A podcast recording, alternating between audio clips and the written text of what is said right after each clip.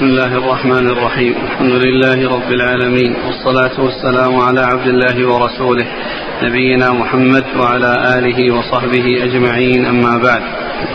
قال الإمام الحافظ أبو عيسى الترمذي رحمه الله تعالى قال في جامعه في كتاب المناقب باب فضل خديجة رضي الله عنها قال حدثنا أبو هشام الرفاعي قال حدثنا حفص بن غياث عن هشام بن عروة عن أبيه عن عائشة رضي الله عنها أنها قالت ما غرت على أحد من أزواج النبي صلى الله عليه وسلم ما غرت على خديجة وما بي أن أكون أدركتها وما ذاك إلا لكثرة ذكر رسول الله صلى الله عليه وسلم لها وإن كان ليذبح الشاة فيتتبع بها صدائق خديجة فيهديها لهن.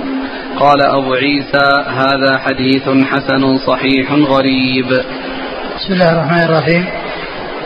الحمد لله رب العالمين وصلى الله وسلم وبارك على عبده ورسوله نبينا محمد وعلى آله وأصحابه أجمعين. أما بعد فقد ذكر الترمذي رحمه الله مناقب خديجة أم المؤمنين رضي الله تعالى عنها وأرضاها وقدمها على غيرها قدمها على عائشة رضي الله تعالى عنها وذلك لأنها أي خديجة رضي الله عنها هي أول من آمن به وهي التي نصرته وأيدته وعانته في وقت الشدة وفي وقت الضرورة وهي أم أولاده ما عدا إبراهيم ولها فضائل ومناقب رضي الله تعالى عنها وأرضاها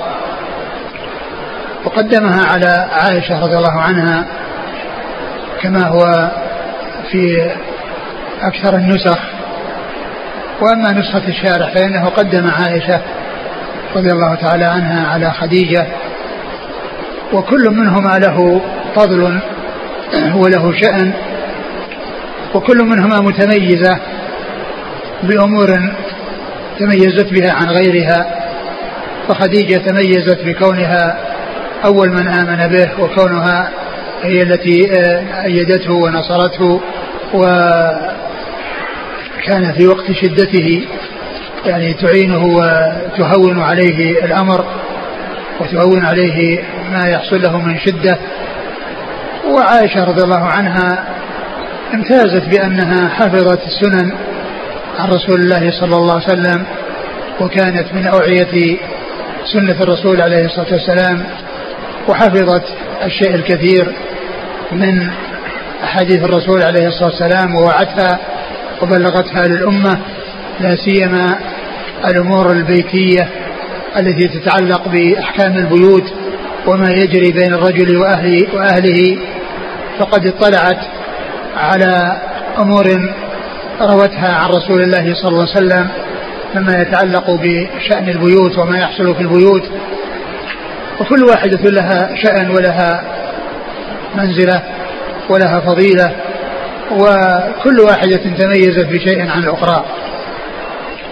قد ذكر أبو عيسى رحمه الله حديث عائشة رضي الله عنها في ما تحكيه عن احتفاء الرسول صلى الله عليه وسلم بخديجة وذكره إياها وثنائه عليها وحرصه على الإهداء لصديقاتها مع أنها لم تدركها وإنما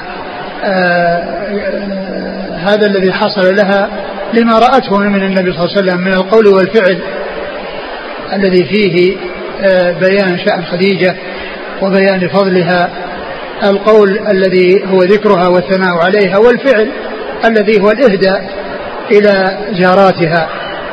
كل ذلك من أجل الوفاء لما حصل بينه وبينها رضي الله تعالى عنها وأرضاها. لما قامت به من الجهاد معه في أول الأمر في في في, في تثبيته تصبيره و كونه يصبر يعني على ما يصيبه من من الشدائد. فكانت رضي الله عنها وأرضاها لها هذه المكانة. فكان الرسول صلى الله عليه وسلم يذكرها وكانت خديجة تغار يعني منها. وهي لم تدركها وإنما بمجرد الذكر. ولو أدركتها لكان الأمر يكون أشد. ولكن هذا الذي حصل آه، من الرسول صلى الله عليه وسلم لها مع ان مع أنها لم تدركها يعني هذا بين لها أو جعل أو أظهر لها أن منزلتها عالية عند رسول الله صلى الله عليه وسلم فكانت تغار من هذا الذي يفعله الرسول عليه الصلاة والسلام من الإهداء إلى صديقاتها ومن ذكرها والثناء عليها رضي الله تعالى عنها وأرضاها. وهذا من الغيرة التي آه، جعلها الله عز وجل في النساء على الرجال فيما إذا كن مشتركات فالرجل فإنه يكون بينهن الغيرة. فلهذا تخبر عائشة رضي الله عنها بالذي حصل لها. ولهذا قالت ما غرت على أحد من أزواج الرسول صلى الله عليه وسلم مثل ما غرت على خديجة. ما غرت على خديجة يعني إن هذه هذا الذي يحصل من الرسول صلى الله عليه وسلم لخديجه جعلتها تغار وجعلتها تتأثر أقرأ الحديث ما غرت على أحد من أزواج النبي صلى الله عليه وسلم ما غرت على خديجة نعم. وما بي أن أكون أدركتها نعم. وما ذاك إلا لكثرة ذكر رسول الله. يعني أن أن هذا الذي حصل والذي بها يعني ما كانت أدركتها ولا شاهدت شيئا منها وإنما كل هذا الذي حصل لها من كون النبي صلى الله عليه وسلم يذكرها كونه يذكرها ويثني عليها بل ويهدي إلى جاراتها. بحيث إذا ذبح الشاة فإنه يطعم منها صديقات خديجة رضي الله تعالى عنها. أكمل وما ذاك إلا لكثرة ذكر رسول الله صلى الله عليه وسلم لها. وإن كان ليذبح الشاة فيتتبع بها صدائق خديجة فيهديها لهن. يعني هذا فيه يعني بيان أن تأثرها بالقول والفعل. أما القول فكونه يذكرها ودائما يثني عليها ويذكرها. وأما الفعل فكونه يهدي إلى صديقاتها ويتتبع صديقاتها فيهدي إليهن من أجل آه، آه، مصادقتهن لخديجة. نعم. قال حدثنا أبو هشام الرفاعي. هذا ليس بالقوي أخرج له. مسلم والترمذي وابن ماجه. لكن الحديث الصحيحين الحديث الصحيحين ثابت عن رسول الله صلى الله عليه وسلم. نعم. عن حفص بن غياث. وهو ثقة أخرج له. أصحاب الكتب نعم. عن هشام بن عروة ثقة أخرج أصحاب الكتب. عن أبي عروة بن الزبير ثقة أخرج أصحاب الكتب. عن عائشة. نعم. عليه هل يجوز للزوج إكرام صواحب زوجته؟ يجوز له. يجوز له إذا كان يعني لها منزلة يعني ولها شأن ولها يعني قامت بأمور يعني له. في يعني في الإحسان إليه وفي الوفاء لا بأس بذلك قال حدثنا الحسين بن حريث قال حدثنا الفضل بن موسى عن هشام بن عروة عن أبيه عن عائشة رضي الله عنها أنها قالت ما حسدت أحدا ما حسدت خديجة وما تزوجني رسول الله صلى الله عليه وسلم إلا بعدما ماتت. وذلك أن رسول الله صلى الله عليه وسلم بشرها ببيت في الجنة من قصب لا صخب فيه ولا نصب. قال هذا حديث حسن. من قصب قال إنما يعني به قصب اللؤلؤ. ثم ورد هذا الحديث عن عائشة رضي الله عنها أيضا في خديجة والمراد بالحسد هنا الغيرة والغبطة. هذا هو المقصود به وأن الرسول صلى الله عليه وسلم آه هذه الغيرة التي آه حصلت لها ما كانت اجتمعت معها وما كانت هي وإياها في عصمته وإنما كان كانت وحدها عنده أي خديجة ولم يتزوج النبي صلى الله عليه وسلم عليها في حياتها وإنما تزوج بعد وفاتها وإنما تزوج بعد وفاتها فهي فهي لم آه، تجتمع معها. يعني هذه الغيرة ما حصل لأنها اجتمعت معها وإنما حصل لكون النبي صلى الله عليه وسلم آه، يذكرها وما تزوج على أحد وما جعلها آه، في عصمته أحدا معها وإنما كانت في عصمته وحدها حتى توفاها الله عز وجل فلم يكن لها من يشاركها فيه صلوات الله وسلامه وبركاته عليه. وهذه منزلة علية وشأنها عظيم عند النساء. كون المرأة تنفرد بالرجل ولا يشاركها فيه أحد يعني آه هذا لا شك أنه يعني آه يدل على آه آه أن التي حصل لها ذلك لها منزلة عالية عند رسول الله صلى الله عليه وسلم. ثم أيضا الرسول عليه الصلاة والسلام بشرها بقصر في الجنة. بقصر من قصب ليس فيه نصب ولا صخب والقصب يعني هذا قصب اللؤلؤ المجوف. يعني فإن هذا القصر يعني من هذا الشيء وهو ليس فيه نصب ليس فيه تعب ولا مشقة وليس فيه صخب ارتفاع الأصوات المزعجة وحصول الإزعاج وإنما فيه الراحة والطمأنينة الكاملة. وهذا يدل على فضل آه، خديجة رضي الله تعالى عنها وأرضاها. يعني كونها عنده في الدنيا في المنزلة العلية وهي زوجته في الدنيا والآخرة ولها قصر في الجنة. هذه صفته. أخبر بذلك رسول الله صلوات الله وسلامه وبركاته عليه. نعم. قال حدثنا الحسين بن حريث. هو ثقة أخرج أصحاب كتب البخاري. ابن ماجه. ابن ماجه نعم. عن الفضل بن موسى. هو السيناني ثقة أخرج أصحاب الكتب. عن هشام بن عروة عن أبيه عن عائشة. نعم. المشهور في كتب السير أن النبي صلى الله عليه وسلم تزوج خديجة وقد جاوز عمرها الأربعين. نعم. وجاء في بعض الروايات الأخرى التي حسنها بعض الباحثين أن عمرها 28 قالوا هو الأقرب من ناحية السند ومن ناحية أنها أم لأولاده. ومعلوم أن من جاوزت الأربعين قد اقتربت من سن اليأس. ما رأيكم حفظكم الله؟ معلوم أن يعني أن هذه المدة التي بقيت التي بقيت وهي يعني سن, سن اليأس قد يكون خمسين وقد يزيد على ذلك قد يزيد على ذلك. يعني ما يمنع أن يكون حصل ذلك. وذلك بالتوالد أو بتوالي الولادة. نعم. قال حدثنا هارون بن إسحاق الهمداني قال حدثنا عبده عن هشام بن عروة عن أبيه عن عبد الله بن جعفر رضي الله عنهما أنه قال سمعت علي بن أبي طالب رضي الله عنه يقول سمعت رسول الله صلى الله عليه وآله وسلم يقول خير نسائها خديجة بنت خويلد وخير نسائها مريم ابنة مريم ابنة عمران. قال وفي الباب عن أنس وابن عباس وعائشة رضي الله عنهم. قال وهذا حديث حسن صحيح. ثم ذكر أبو عيسى هذا الحديث عن علي بن أبي طالب رضي الله عنه وأن خديجة خير نسائها وابنة عمران خير نسائها.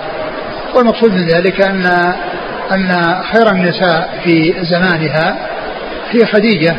وخير النساء في زمانها آه، مريم ابنة عمران. فيكون هذا يعني هذا التفضيل إنما هو بالنسبة للزمان.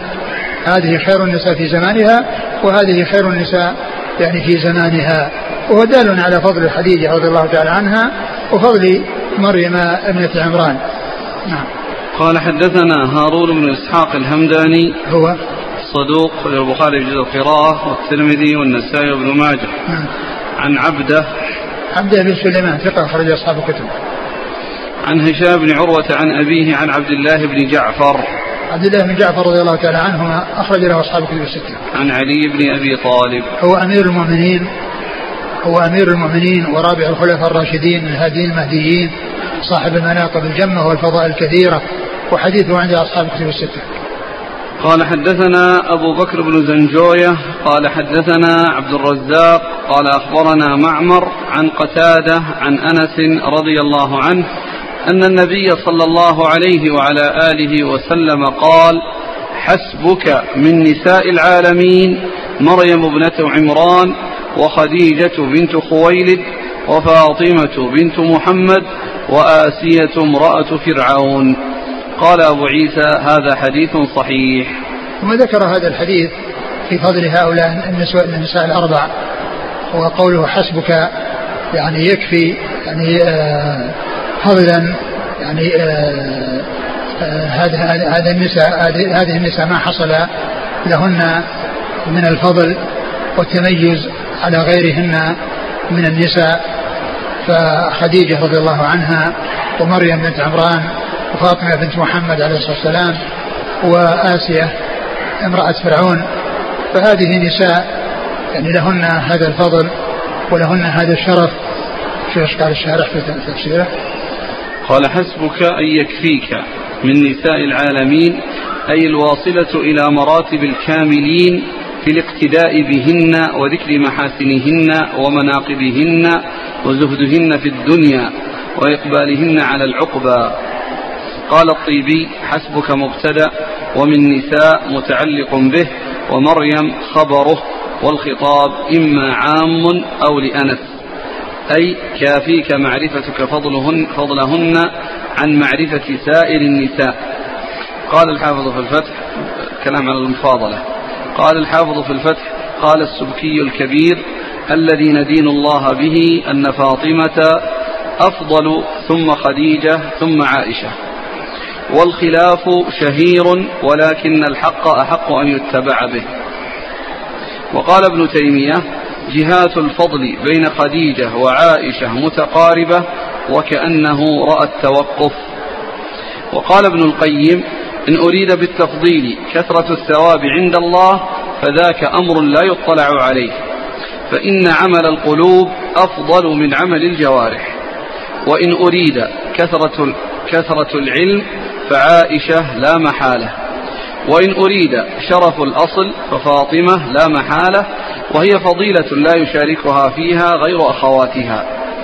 وإن أريد شرف السيادة فقد ثبت النص لفاطمة وحدها.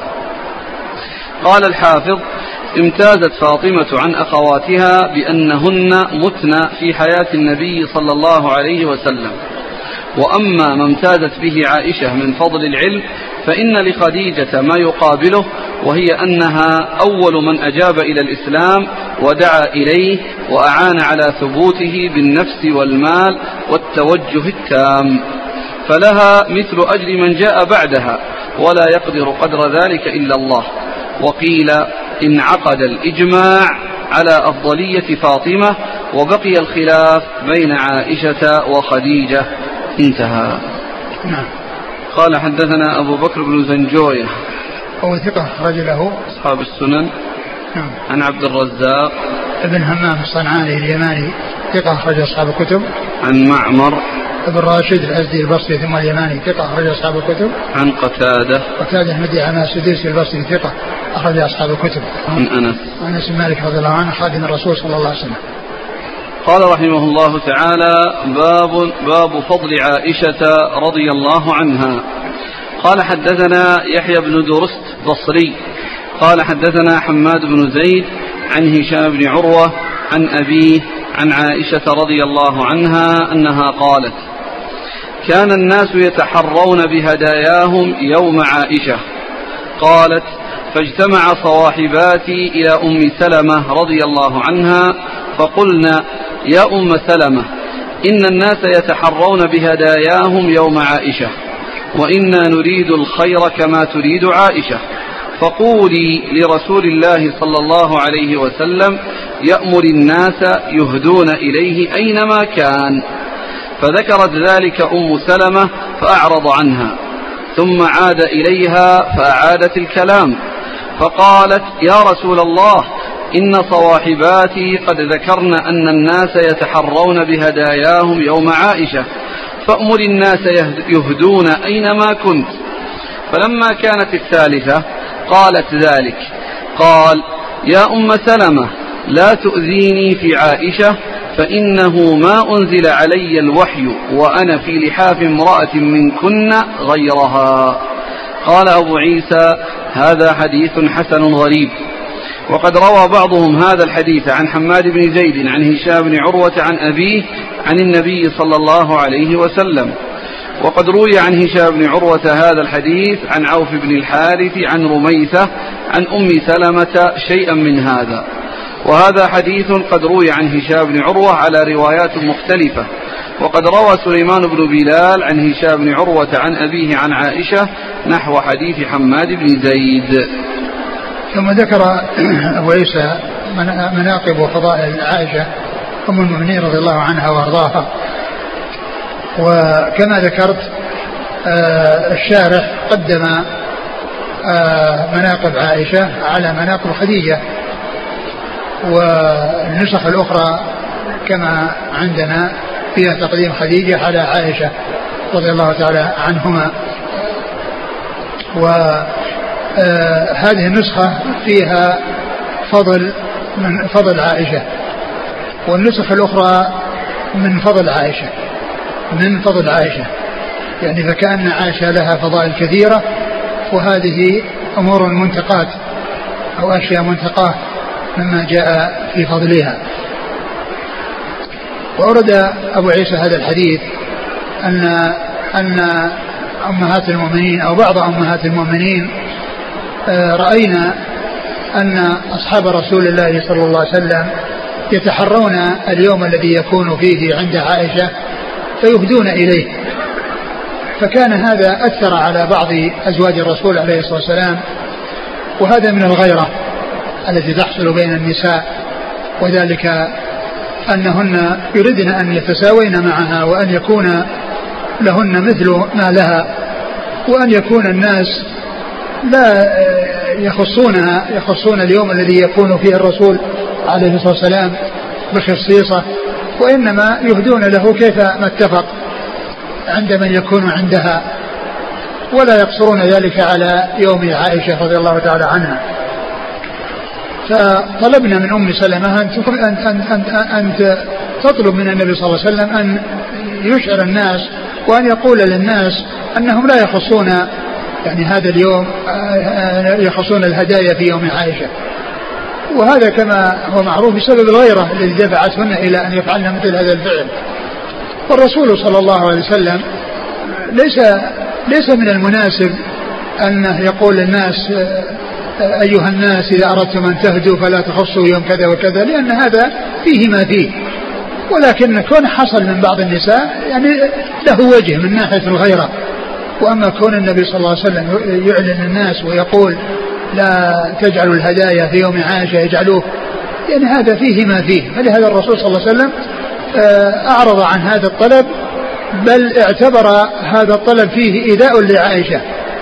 لأنه لا شك أن هذا فيه آه، يسوءها أن يكون آه، كون النساء تطلب من الرسول صلى الله عليه وسلم أن آه، يعلن للناس وأن يبلغ الناس بأن أنهم لا يخصون لا شك أن هذا يؤذيها. فلهذا الرسول صلى الله عليه وسلم في آخر الأمر لا في آخر الأمر قال لا تؤذيني في عائشة لأن هذا إيذاء لعائشة. ومعناه أن أن أن الذي يؤذيها يؤذيه. فقال لا تؤذيني في عائشة. لأن هذا فيه إيذاء لعائشة. ولا شك أنه يسوء عائشة. والرسول صلى الله عليه وسلم يسوءه ما ساءها. ثم إنه عليه الصلاة والسلام بين الميزة التي امتازت بها على غيرها من أمهات المؤمنين وأنه ما نزل الوحي عليه وهو في لحاف امرأة سواها. هذا مما اختصت به كما بين ذلك رسول الله صلوات الله وسلامه وبركاته عليه. فصار هذا من فضائلها ومناقبها أن الله عز وجل جعل الوحي أو حصل الوحي منه إلى نبيه عليه الصلاة والسلام وهو في لحافها وأنه ما حصل لأحد سواها مثل ما حصل لها مثل ما حصل لها. وقد جاء في بعض الروايات يعني ما يدل على حصوله لبعض أمهات المؤمنين ولكن ما في تنصيص على اللحاف وإنما في تنصيص على البيت أو البيوت. وهذا آه، لا يعني ينافي لأن ذكر اللحاف غير ذكر البيت لأن شأن البيت أوسع من شأن اللحاف. فإذا هذه الخصيصة وهذه الميزة كما جاءت في هذا الحديث عن رسول الله صلى الله عليه وسلم اختصت بها عائشة فلهذا أوردها الترمذي رحمه أورد أوردها أورد الترمذي الحديث في في مناقبها. يعني والمقصود من ذلك الجملة الأخيرة. الجملة الأخيرة. وأيضا كذلك كون النبي صلى الله عليه وسلم يقول لا تؤذيني في عائشة يعني معناها أن إذا إذا عائشة إذا له عليه الصلاة والسلام. نعم. قال حدثنا يحيى بن درست هو ثقة أخرجه الترمذي والنسائي بن ماجه. عن حماد بن زيد. ثقة أخرج أصحاب الكتب. عن هشام بن عروة عن أبيه عن عائشة. نعم. وقد روى بعضهم هذا الحديث عن حماد بن زيد. حماد بن زيد نعم. عن هشام بن عروة عن أبيه عن النبي صلى الله عليه وسلم. يعني مرسل نعم. وقد روي عن هشام بن عروة هذا الحديث عن عوف بن الحارث. هو مقبول أخرج له البخاري وأبو داود والنسائي وابن ماجه. عن رميثة. رضي الله عنها أخرج لها. هذه قال أنها مقبولة. مقبول نعم تابعية. نعم مقبولة أخرج لها النسائي.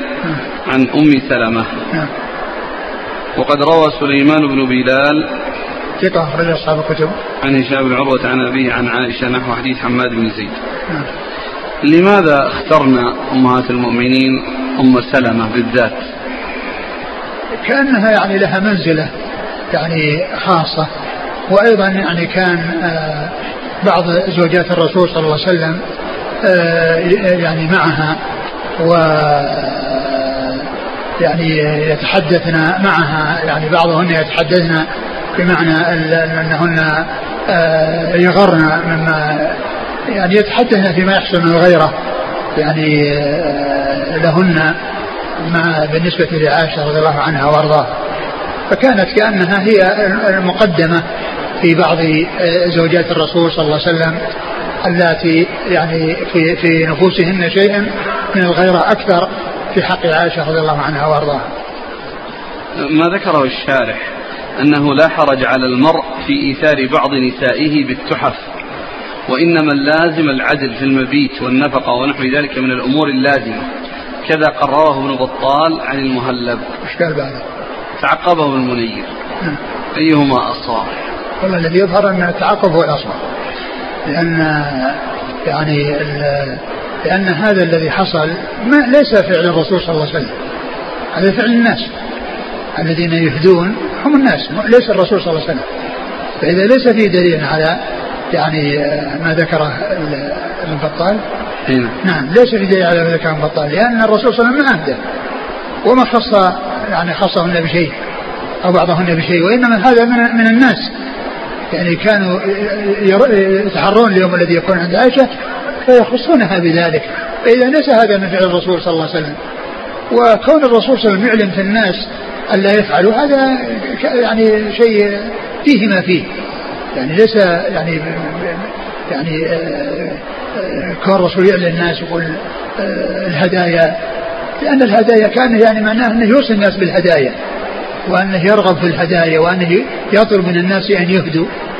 فالحديث في هذا من جانب الرسول صلى الله عليه وسلم يعني فيه ما فيه لكن النساء حملهن الغيرة إلى إلى أن يقدمن على هذا إلى أن يطلبن هذا الشيء الذي لا ينبغي أن يكون من رسول الله صلى الله عليه وسلم. قال حدثنا عبد بن حميد قال أخبرنا عبد الرزاق عن عبد الله بن عمرو بن علقمة المكي عن ابن أبي حسين عن ابن أبي مليكة عن عائشة رضي الله عنها أن جبريل جاء بصورتها في خرقة في خرقة حرير خضراء إلى النبي صلى الله عليه وسلم فقال إن هذه زوجتك في الدنيا والآخرة. قال هذا حديث حسن غريب لا نعرفه إلا من حديث عبد الله بن عمرو بن علقمة وقد روى عبد الرحمن بن مهدي هذا الحديث عن عبد الله بن عمرو بن علقمة بهذا الإسناد مرسلا ولم يذكر فيه عن عائشة وقد روى أبو أسامة عن هشام بن عن هشام بن عروة عن أبيه عن عائشة عن النبي صلى الله عليه وسلم شيئا من هذا. ثم وليس هذا الحديث في فضل عائشة رضي الله عنها وأن جبريل جاء بصورتها إلى رسول الله صلى الله عليه وسلم في خرقة من حرير خضراء وفي الصحيحين في سرقة من حرير يعني وهي قطعة من الحرير. وقال إن هذه امرأتك وهذا هو الذي موجود في الصحيحين. وأما في الدنيا والآخرة فهذه هي الزيادة جاءت عند الترمذي وليست موجودة في الصحيحين وإنما فيه هذه امرأتك. وقال إن يكن هذا من عند الله ينبه وهذا رؤيا رأى في المنام. يعني هذه الشيء الذي حصل أنه حصل في المنام وكان ذلك قبل زواجه منها. كان ذلك قبل زواجه منها ثم إنه تزوجها صلوات الله وسلامه وبركاته وقال إن يكن هذا من عند الله يمضي وقد أمضاه سبحانه وتعالى بأن تزوجها رسول الله صلى الله عليه وسلم. ف يعني آه، آه، كون زواجه منها يعني كان يعني قبل أن يتزوج يعني جاء جبريل بصورتها في هذه القطعة من الحرير وقال إن هذه زوجتك ثم إنه تزوجها صلوات الله وسلامه وبركاته عليه.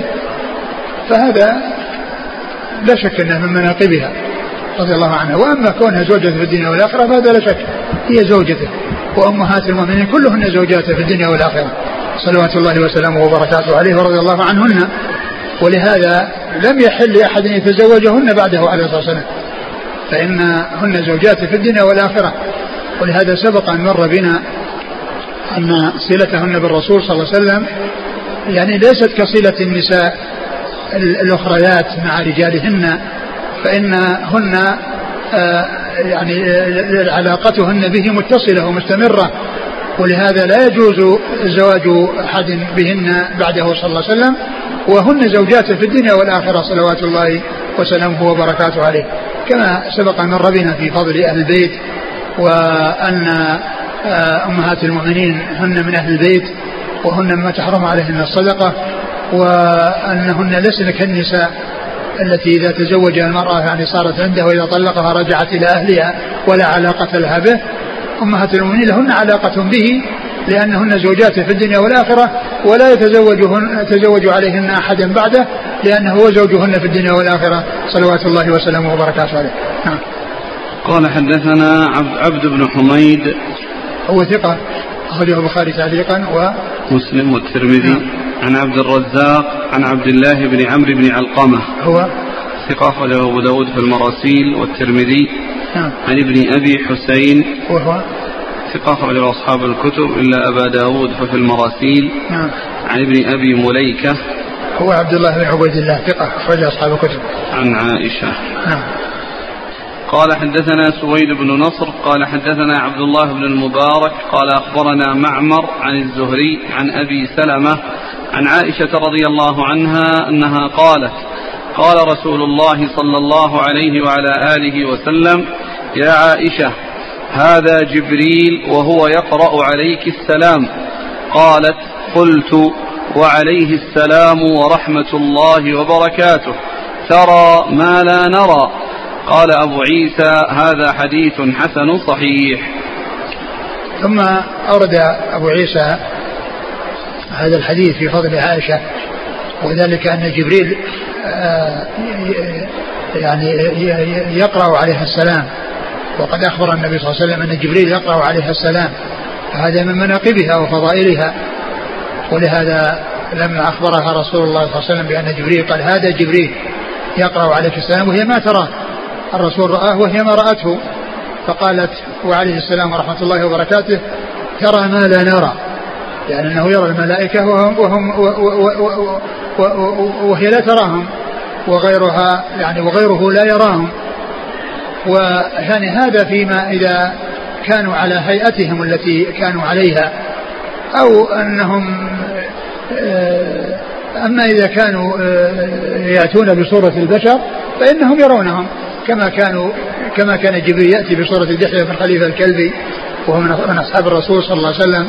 وكما كان جاء في صورة رجل أعرابي رجل غير مشهور يعني آه، كما في حديث جبريل المشهور الذي فيه بيان الإسلام والإيمان والإحسان. فقوله ترى ما لا نرى يعني أن الرسول صلى الله عليه وسلم يرى الملائكة وهم وهو وهم لا يرونهم. نعم. قال حدثنا سويد بن نصر. هو المروزي ثقة أخرجه الترمذي والنسائي.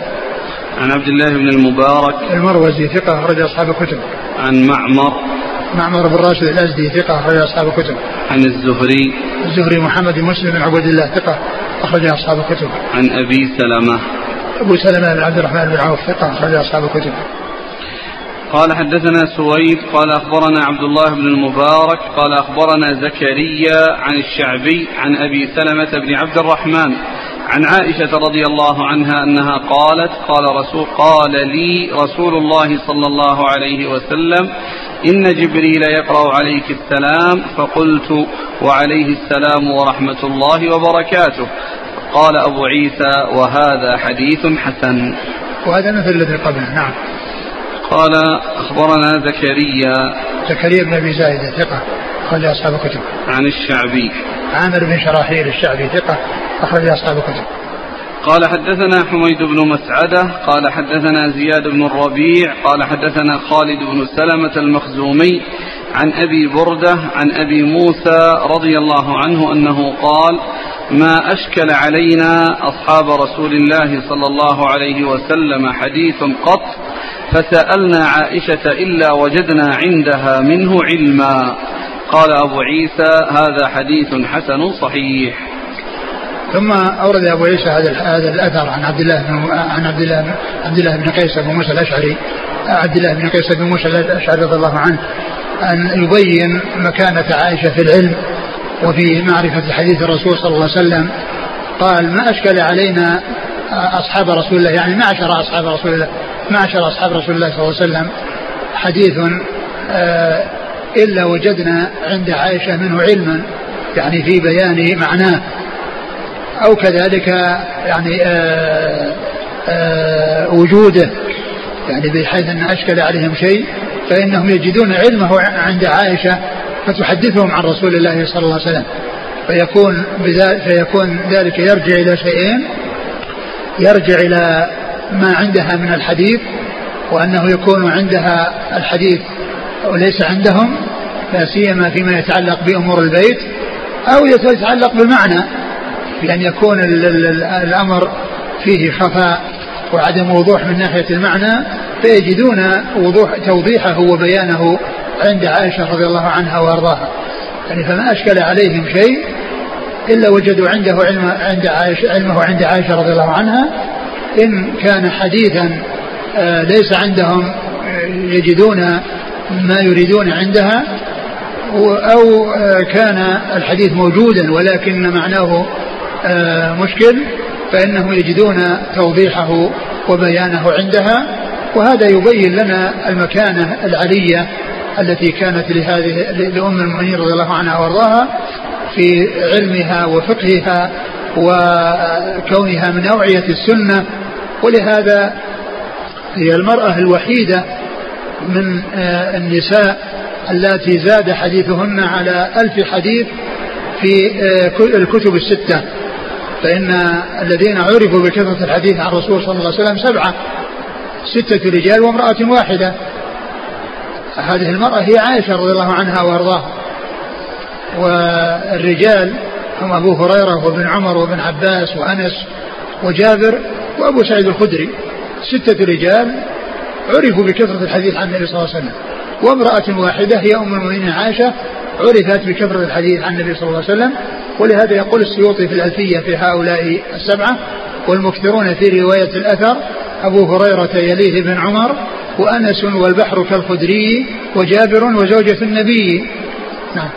قال حدثنا حميد بن مسعدة هو صدوق خرجه آه، مسلم. مسلم وأصحاب السنة. عن زياد بن الربيع هو؟ ثقة أخرج البخاري والترمذي وابن ماجه. نعم. عن خالد بن سلمة المخزومي وهو؟ صدوق أخرج البخاري في المفرد ومسلم وأصحاب السنن. نعم. عن أبي بردة. أبو بردة بن أبي موسى الأشعري ثقة أخرج أصحاب الكتب. عن أبي موسى. نعم. قال حدثنا القاسم بن دينار الكوفي. قال حدثنا معاوية بن عمرو. عن زائدة عن عبد الملك بن عمير عن موسى بن طلحة قال ما رأيت أحدا أفصح من عائشة رضي الله عنها. قال هذا حديث حسن صحيح حسن حسن صحيح غريب. ثم ورد هذا الأثر عن موسى بن طلحة بن عبيد الله وهو من التابعين يقول ما رأيت أحدا أفصح من عائشة. يعني هذا الحديث الذي مر عن أبي موسى فيه بيان سعة علمها وفهمها وفقهها. وأما هذا الأثر فيتعلق بفصاحتها وبلاغتها وأنها فصيحة اللسان يعني قوية البيان رضي الله تعالى عنها وأرضاها. فهذا من مناقبها كونها فصيحة في كلامها وفي خطابها وفي بيانها وكونها عالمة بسنة رسول الله صلى الله عليه وسلم آه، رواية ودراية رواية من حيث آه، تحملها وحفظها عن رسول الله صلى الله عليه وسلم ودراية في بيان فقهها ومعناها حيث مر في الأثر السابق عن أبي موسى الأشعري ما أشكل علينا حديث إلا وجدنا آه، علمه أو بيانه عند عائشة رضي الله عنها. نعم. قال حدثنا القاسم بن دينار. هو؟ ثقة له مسلم والترمذي والنسائي بن ماجه. نعم. عن معاوية بن عمرو. وهو؟ ثقة أخرج أصحاب الكتب. نعم. عن زائدة. زائدة بن قدامة ثقة أخرج أصحاب الكتب. عن عبد الملك بن عمير. وهو ثقة أخرج أصحاب الكتب. عن موسى بن طلحة. وهو ثقة أخرج أصحاب الكتب. قال حدثنا إبراهيم بن يعقوب ومحمد بن بشار واللفظ لابن يعقوب. قال حدثنا يحيى بن حماد قال حدثنا عبد العزيز بن المختار قال حدثنا خالد الحذاء عن أبي عثمان النهدي عن عمرو بن العاص رضي الله عنه أن رسول الله صلى الله عليه وعلى آله وسلم استعمله على جيش ذات السلاسل. قال فأتيته فقلت يا رسول الله أي الناس أحب إليك؟ قال عائشة. قال من الرجال؟ قال أبوها. قال أبو عيسى هذا حديث حسن صحيح. قال حدثنا إبراهيم بن سعيد الجوهري قال حدثنا يحيى بن سعيد الأموي عن, عن إسماعيل بن أبي خالد عن قيس بن أبي حازم عن عمرو بن العاص رضي الله عنه أنه قال يا رسول الله من أحب الناس إليك؟ قال عائشة قال من الرجال؟ قال أبوها. هذا حديث حسن غريب من هذا الوجه من حديث إسماعيل عن قيس. ثم ذكر حديث عمرو بن العاص رضي الله تعالى عنه في فضل عائشة وفضل أبيها رضي الله تعالى عنهما وعن الصحابة أجمعين. الرسول عليه الصلاة والسلام استعمل عمرو بن العاص على جيش السلاسل وفيهم أبو بكر وعمر وهذا في تولية المفضول مع وجود الفاضل. تولية المفضول مع وجود الفاضل. فلما آآ آه، آآ آه، اختاره الرسول صلى الله عليه وسلم لأن يكون أميرا على الجيش كأنه فهم من هذا الاختيار يعني شيئا من التفضيل. فسأل النبي صلى الله عليه وسلم حتى يكون على بينة. فقال من أحب الناس إليه؟ قال عائشة. قال من الرجال؟ قال أبوها. وفي بعض الروايات في الصحيحين في أحد الصحيحين وحديثهما أنه قال له ثم من قال عمر ثم عد رجالا فسكت ولم يسأله.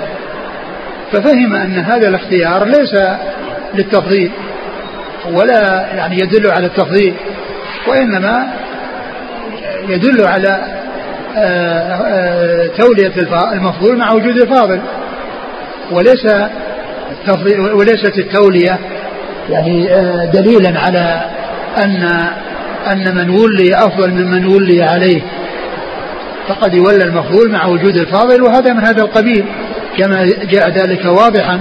في هذا السؤال الذي حصل من عمرو بن العاص وأجابه النبي صلى الله عليه وسلم بأن الأحب والأفضل عنده هو آه، عائشة من النساء وأبو بكر رضي الله عنه من الرجال وكذلك أيضا جاء في بعض الروايات آه، ذكر عمر وذكر أناس آخرين بعد عمر وأن عمرا رضي الله عنه سكت لما رأى أن في من هو في من هم إلى رسوله صلى الله عليه وسلم. ولكن الحديث واضح الدلالة على فضل عائشة رضي الله عنها وهو محل الشاهد من إيراد الحديث في مناقب عائشة وكذلك في فضل أبي بكر أبيها رضي الله تعالى عنه وعنها وعن الصحابة أجمعين. قال حدثنا إبراهيم بن يعقوب. الجوزجاني هو. ثقة أبو داود والترمذي والنسائي نعم. ومحمد بن بشار. ثقة أخرج أصحاب الكتب واللفظ لابن يعقوب. نعم. عن يحيى بن حماد. هو؟ ثقة أخرج أصحاب الكتب إلا أبا داود ففي الناسخ. نعم. قال عن عبد العزيز بن المختار. وهو ثقة أخرج له. أصحاب الكتب. نعم. عن خالد الحذاء. خالد بن مهران الحد ثقة أخرج أصحاب الكتب. عن أبي عثمان النهدي. ثقة أخرج أصحاب الكتب. عن عمرو بن العاص. رضي الله عنه أخرج أصحاب الكتب. قال حدثنا إبراهيم بن سعيد الجوهري. هو ثقة أخرجه مسلم وأصحاب السنن. نعم. عن يحيى بن سعيد الأموي. وهو؟ صدوق أخرجه أصحاب الكتب. نعم. عن إسماعيل بن أبي خالد. وهو ثقة أخرج أصحاب الكتب. عن قيس بن أبي حازم. وهو ثقة مخضرم أخرج أصحاب الكتب. قال حدثنا علي بن حجر قال حدثنا إسماعيل بن جعفر عن عبد الله بن عبد الرحمن بن معمر الأنصاري عن أنس رضي الله عنه أن رسول الله صلى الله عليه وآله وسلم قال فضل عائشة على النساء كفضل الثريد على سائر الطعام.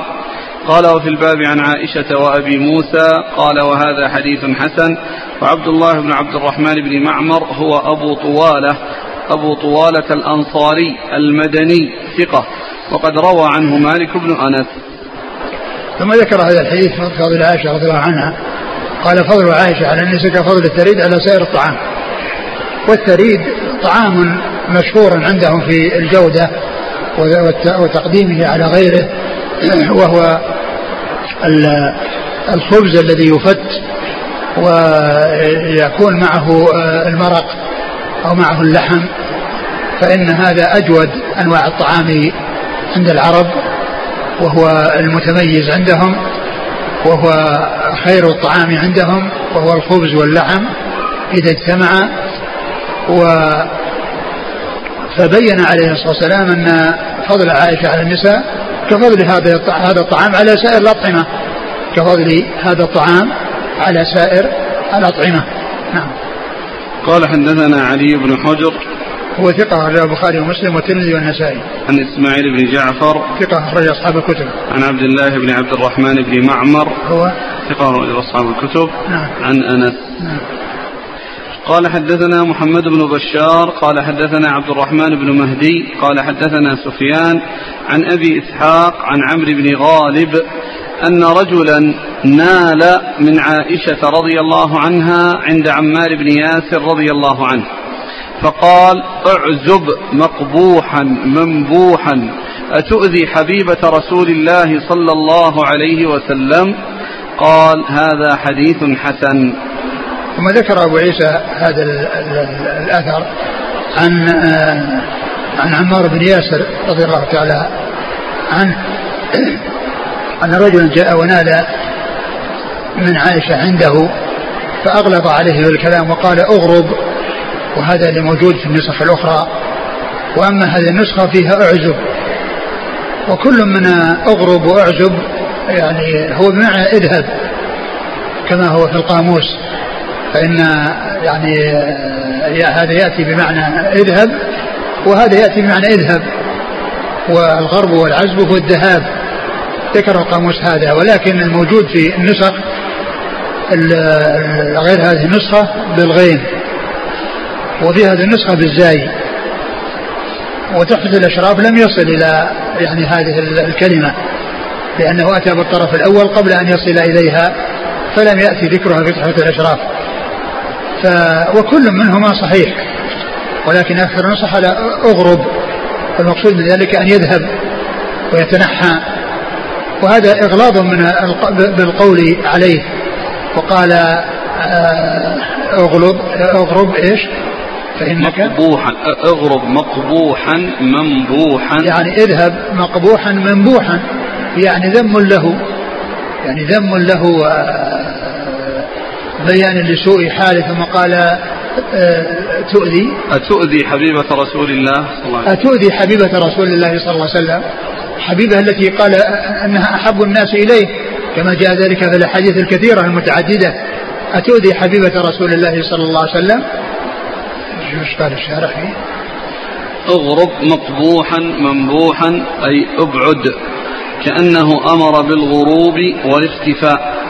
والمنبوح من يطرد ويرد. أتؤذي حبيبة رسول الله صلى الله عليه وسلم يعني عائشة الصديقة رضي الله عنها. وكما قلت في القاموس أن أنه بمعنى الذهاب. ذكر هذا بمعنى الذهاب اللي هو اغرب وذكر أعزب بمعنى الذهاب والمعنى اذهب. اذهب مقبوحا منبوحا. ابتعد. يعني متصفا بهذه الأوصاف الذميمة متصفا بهذه الأوصاف الذميمة. نعم. قال حدثنا محمد بن بشار عن عبد الرحمن بن مهدي نعم ثقة أخرج أصحاب الكتب. عن سفيان عن أبي إسحاق. سفيان هو الثوري ثقة أخرج أصحاب الكتب وأبو إسحاق هو عمرو بن عبد الله الهمداني السبيعي ثقة أخرج أصحاب الكتب. عن عمرو بن غالب. عمرو بن غالب قال إنه مقبول أخرج له. الترمذي والنسائي. لكنه آه، ذكر يعني في ترجمته أن أن أن, أن النسائي وثقه وكذلك ذكره ابن حبان في الثقات ف يعني لا يبقى فيه بعد ذلك إلا التدليس بإسحاق السبيعي نعم. عن عمار بن ياسر. عمار بن ياسر رضي الله عنه أخرج أصحاب الكتب. قال حدثنا محمد بن بشار قال حدثنا عبد الرحمن بن مهدي قال حدثنا أبو بكر بن عياش عن أبي حصين عن عبد الله بن زياد الأسدي قال سمعت عمار بن ياسر رضي الله عنه يقول هي زوجته في الدنيا والآخرة. يعني عائشة رضي الله عنها قال هذا حديث حسن وفي الباب عن علي. ثم ذكر هذا الأثر عن عن عن عمار بن ياسر رضي الله عنه عن, عن عائشة رضي الله عنها. هي زوجته في الدنيا والآخرة. هي زوجته في الدنيا والآخرة. وهذا هو شأن أمهات المؤمنين كلهن رضي الله تعالى عنهن وأرضاهن فإنهن زوجات في الدنيا والآخرة. كما عرفنا أن أن الصلة به لم تنقطع. يعني بخلاف النساء الأخريات فإن المرأة تكون عند زوجها فإذا طلقها لم تكن آه، لها علاقة به. وأما رسول الله صلى الله عليه وسلم فإن العلاقة متصلة بهن وقد مات عنهن عليه الصلاة والسلام وحرم نكاحهن كما جاء في القرآن. وهن زوجاته في الدنيا والآخرة. صلوات الله وسلامه وبركاته عليه. وهذا التنصيص على عائشة لا يدل على اختصاصها وإنما بيان آه، يعني آه، فضلها والتنصيص على فضلها وعلى منقبتها وأنها زوجة في الدنيا والآخرة. وكذلك حكم أمهات المؤمنين فإنهن زوجاته صلى الله عليه وسلم في الدنيا والآخرة. نعم. قال حدثنا محمد بن بشار عن عبد الرحمن بن مهدي عن أبي بكر بن عياش. هو ثقة أخرج أصحاب الكتب إلا مسلم في المقدمة. نعم. عن أبي حصين. وهو عثمان بن عاصم ثقة أخرج له. أصحاب الكتب. نعم. عن عبد الله بن زياد. هو ثقة أخرج البخاري والترمذي. عن عمار بن ياسر. نعم. قال حدثنا أحمد بن عبدة الضبي. قال حدثنا المعتمر بن سليمان. عن حميد عن أنس رضي الله عنه أنه قال قيل يا رسول الله من أحب الناس إليك؟ قال عائشة. قيل من الرجال قال أبوها قال هذا حديث حسن غريب من هذا الوجه من حديث أنس. ثم ذكر هذا الحديث عن أنس رضي الله عنه؟ هو مثل حديث عمرو بن العاص الذي سبق أن مر من طريقين وأن الرسول عليه الصلاة والسلام سئل عن أحب الناس إليه فقال عائشة قال ومن الرجال قال أبوها. فهو دال على ما دل عليه حديث عمرو بن العاص المتقدم في منقبة عائشة ومنقبة أبيها رضي الله تعالى عنهما وعن الصحابة أجمعين. قال حدثنا أحمد بن عبد الضبي هو ثقة أخرج له. مسلم وأصحاب السنن. نعم. عن المعتمر بن سليمان. ثقة أخرج أصحاب الكتب. عن حميد. حميد بن أبي حميد الطويل ثقة أخرج أصحاب الكتب. عن أنس. نعم. باب. والله تعالى أعلم وصلى الله وسلم وبارك على عبده ورسوله نبينا محمد وعلى آله وأصحابه أجمعين. جزاكم الله خيرا وبارك الله فيكم. ألهمكم الله الصواب ووفقكم للحق. ونفعنا الله بما سمعنا وغفر الله لنا ولكم وللمسلمين أجمعين. آمين.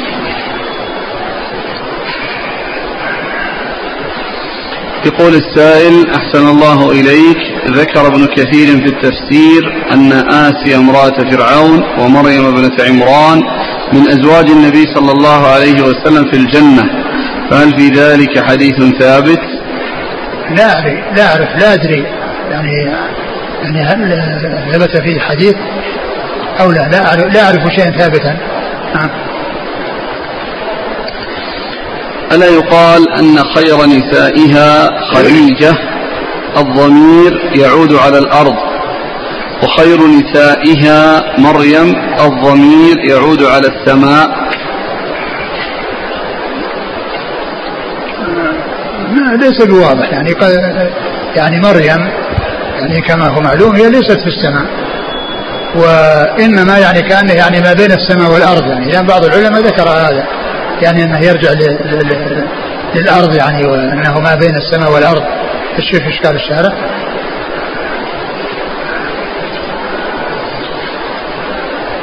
قال القرطبي الضمير عائد على غير مذكور لكنه يفسره الحال والمشاهدة يعني به الدنيا. وقال الطيبي الضمير الأول يعود على هذه الأمة الثاني على الأمة التي كانت فيها مريم ولهذا كرر الكلام تنبيها على أن حكم كل واحدة منهما غير حكم الأخرى. وكلا الفصلين كلام مستأنف.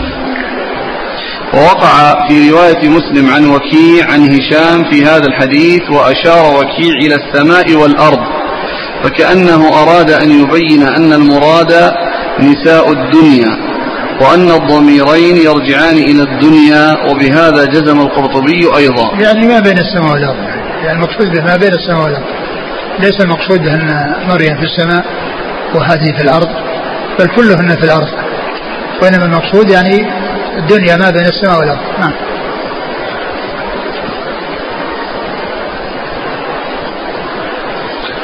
يقول هل يحاسب من أخطأ في تفضيل إحدى نساء النبي صلى الله عليه وسلم على الأخرى؟ وهل يتوقف على ذلك عبادة؟ ليس لأحد أن يتكلم إلا بعلم. وحيث لا يكون هناك نص واضح جلي فالتوقف والسكوت هو الأولى.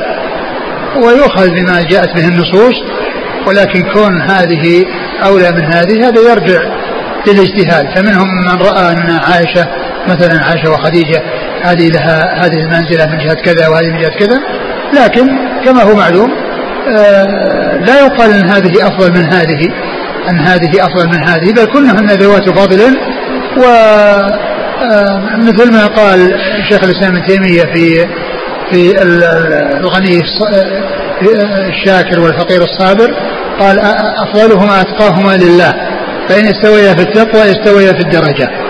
نعم.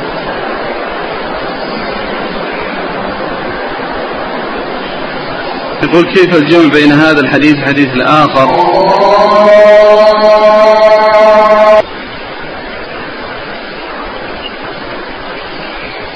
نعم يقول كيف الجمع بين هذا الحديث والحديث الآخر أن النبي صلى الله عليه وسلم لما أراد الزواج بأم سلمة قالت احتجت بالغيرة فقال أدعو الله أن يذهب غيرتك. مع أن هنا غارت من عائشة حيث كان الناس يهدون يعني كان المقصود يعني يعني شدة الغيرة. يعني الذي حصل يعني هو الذي ذهب شدة الغيرة. إلا فإن النساء يعني غيرتهن على الرجال المشتركات فيه يعني معروفة. فإذا يجمع بينهما بأن الغيرة خفت أو أنها يعني الشدة يعني حصل ذهبت. لا أنها ذهبت من أصلها. نعم. وهذا يقول كيف الجمع بين أن زينب بنت جحش تقول زوج آه، هي التي كانت تفخر على النساء لأن الله زوجها لنبيه. وجاء في الحديث أن جبريل جاء بصورة عائشة. إيش الإشكال؟ يقول أن في زواج عائشة كان من الله تبارك وتعالى. فلا فخر لزينب على عائشة في أن الجميع كان بأمر لا الله في فرق يعني تلك يعني ما لها ولي. يعني الله زوجها اياها ودخل عليها. وأما عائشة زوجها أبوها. هنا لما قال النبي صلى الله عليه وسلم لعائشة ولكن هذا بالنسبة لعائشة يعني هذا فيه يعني أن الرسول قبل أن يتزوجها أريها في المنام. أري صورتها في المنام في هذه وقال قيل هذه امرأتك. فقال إن يك هذا من عند الله يمضي. فقد أمضاه وتزوجها. فإذا لا لا تنافي بين هذا وبين لأن تلك الرسول صلى الله عليه وسلم تزوجها بدون ولي بل بتزويج الله عز وجل إياه. وهذا كانت تفخر به على غيرهن على غيرها. وأما عائشة زوجها أبوها. نعم. هنا لما قال النبي صلى الله عليه وسلم لعائشة جبريل يقرأ في السلام قالت وعليه السلام ورحمة الله وبركاته. السائل يقول هل الأولى لما يأتي المبلغ بالسلام نقول وعليه السلام ويقول وعليك وعليه السلام لا يقال عليك وعليه السلام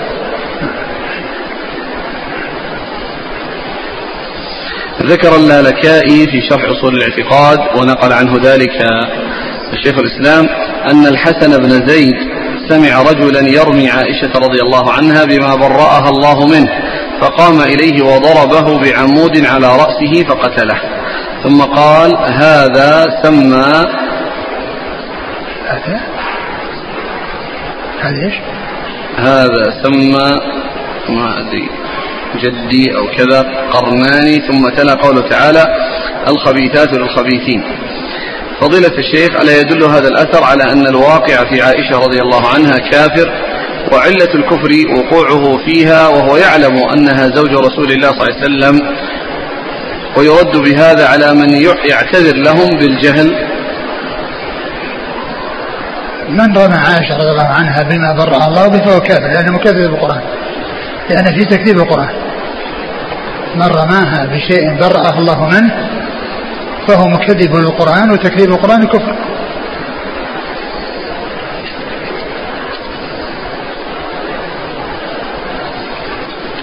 يقول آه، ما نصيحتكم للرجل الذي عنده أكثر من زوجة مما يحدث بينهن من الغيرة؟ يحرص على العدل والإحسان إليهن والبعد عن أي شيء يؤثر من بعضهن على بعض وذلك بمعاملتهن المعاملة اللائقة والمعاملة الطيبة دون أن يحصل منه شيء يجعل بعضهن آه، يكون في نفسه شيء. على الأخرى النصيحة الإنسان يعدل. نعم. يقول ذكرتم في درس سابق أن الأحب إلى النبي صلى الله عليه وسلم هو الأفضل وكانت عائشة رضي الله عنها أحب الناس إليه فلا يدل ذلك على فضلها على فاطمة. كل واحدة جاء فيها كل واحدة جاء فيها فضل يعني يخصها و وجاء في عائشة فاطمة أنها سيدة نساء يعني هذه الأمة. وهذا يعني يدل على فضلها. فكل واحدة لها فضل لكن لا يدل على أن أن أن يعني لفظا جاء يقال أنها ما جاء في الآخر أنه يعني يكون الثاني آه، ليس له هذا الفضل. بل هذا جاء له فضل وهذا جاء له فضل و حيث لا يكون هناك أمر واضح يبين أيهما أفضل؟ يتوقف في ذلك و آه، وكما قال شيخ الإسلام تيمية أفضلهما أتقاهما لله فإن استوي في التقوى استوي في الدرجة. يستدل الذين يقولون بتولية المرأة القضاء أن عائشة رضي الله عنها كانت تفتي الناس والإفتاء أعلى من القضاء. فكيف يرد على هذه الشبهة؟ هذا ليس بصحيح. كيف الإفتاء يكون أعلى من القضاء؟ الإفتاء هو الإخبار بالحق على من غير إلزام به. قد يؤخذ به وقد لا يؤخذ به. وأما القضاء فهو الإخبار بالحق مع الإلزام به. ومعلوم أن الإلزام يعني هذا هو الذي ينفذ. وأما بالنسبة للإفتاء قد يأخذ به وقد لا يأخذ. والقضاء يعني شأنه عظيم. وكذلك الإفتاء شأنه عظيم لكن لكن الإفتاء قد يؤخذ به وقد لا يؤخذ به لكن القضاء فيه إلزام إلزام بالأخذ به. والمرأة يعني لا تكون يعني لا تتولى القضاء وليست من أهل القضاء. نعم. الزوجات اللاتي طلقهن النبي صلى الله عليه وسلم هل يعتبرن من أزواجه في الدنيا والآخرة؟ ويحرم لا, لا ليس. يعني لا لا يعتبر من أزواجه في الدنيا والآخرة. ولا يحرم على من بعده الزواج منهن. ما أدري. يقول هل يجوز لرجل مسلم يعيش في دولة كافرة؟ كما يقول ديمقراطية أن يشارك في الانتخابات وذلك دون أن يتعارض أو يتعرض لفتنة فيضع اسم من يكون بحسب علمه أقل بغضا للإسلام والمسلمين. أولا نحب أن ننبه على شيء كنت أردت أن أنبه عليه وانتهى حصلت الإقامة دون أن ننبه عليه وهو أنه سبق أن مر أن عليا سئلت هل علي أقضى من غيره فقلت إنه ورد في شيء لا أدري عن صحته ولكن وجدت في صحيح البخاري آه، أثر عن عمر أنه قال أقضانا علي وأقرأنا أبي والحديث في صحيح البخاري برقم 4481 4481 وقد ذكر الحافظ في شرحه أنه ورد مرفوعا وعزاه إلى البغوي وسكت عليه. يعني ما تكلم عليه يعني بشيء. ومعلوم أن سكوت الحافظ على شيء هو تحسين له كما ذكر ذلك في المقدمة. والحاصل أن أنه من, من, من كلام عمر ثابت في صحيح البخاري. وهذا يدلنا على ما كان عليه أصحاب الرسول صلى الله عليه وسلم من معرفة أقدار بعضهم لبعض وأن كل واحد يعترف بالفضل يعني لصاحبه. فهذا عمر رضي الله عنه يعترف بالفضل لعلي في هذا الجانب الذي هو جانب القضاء وأنه قال علي أقرانا وأبي أقرأنا. علي أقرانا وأبي أقرأنا. إيش السؤال؟ الانتخابات نعم.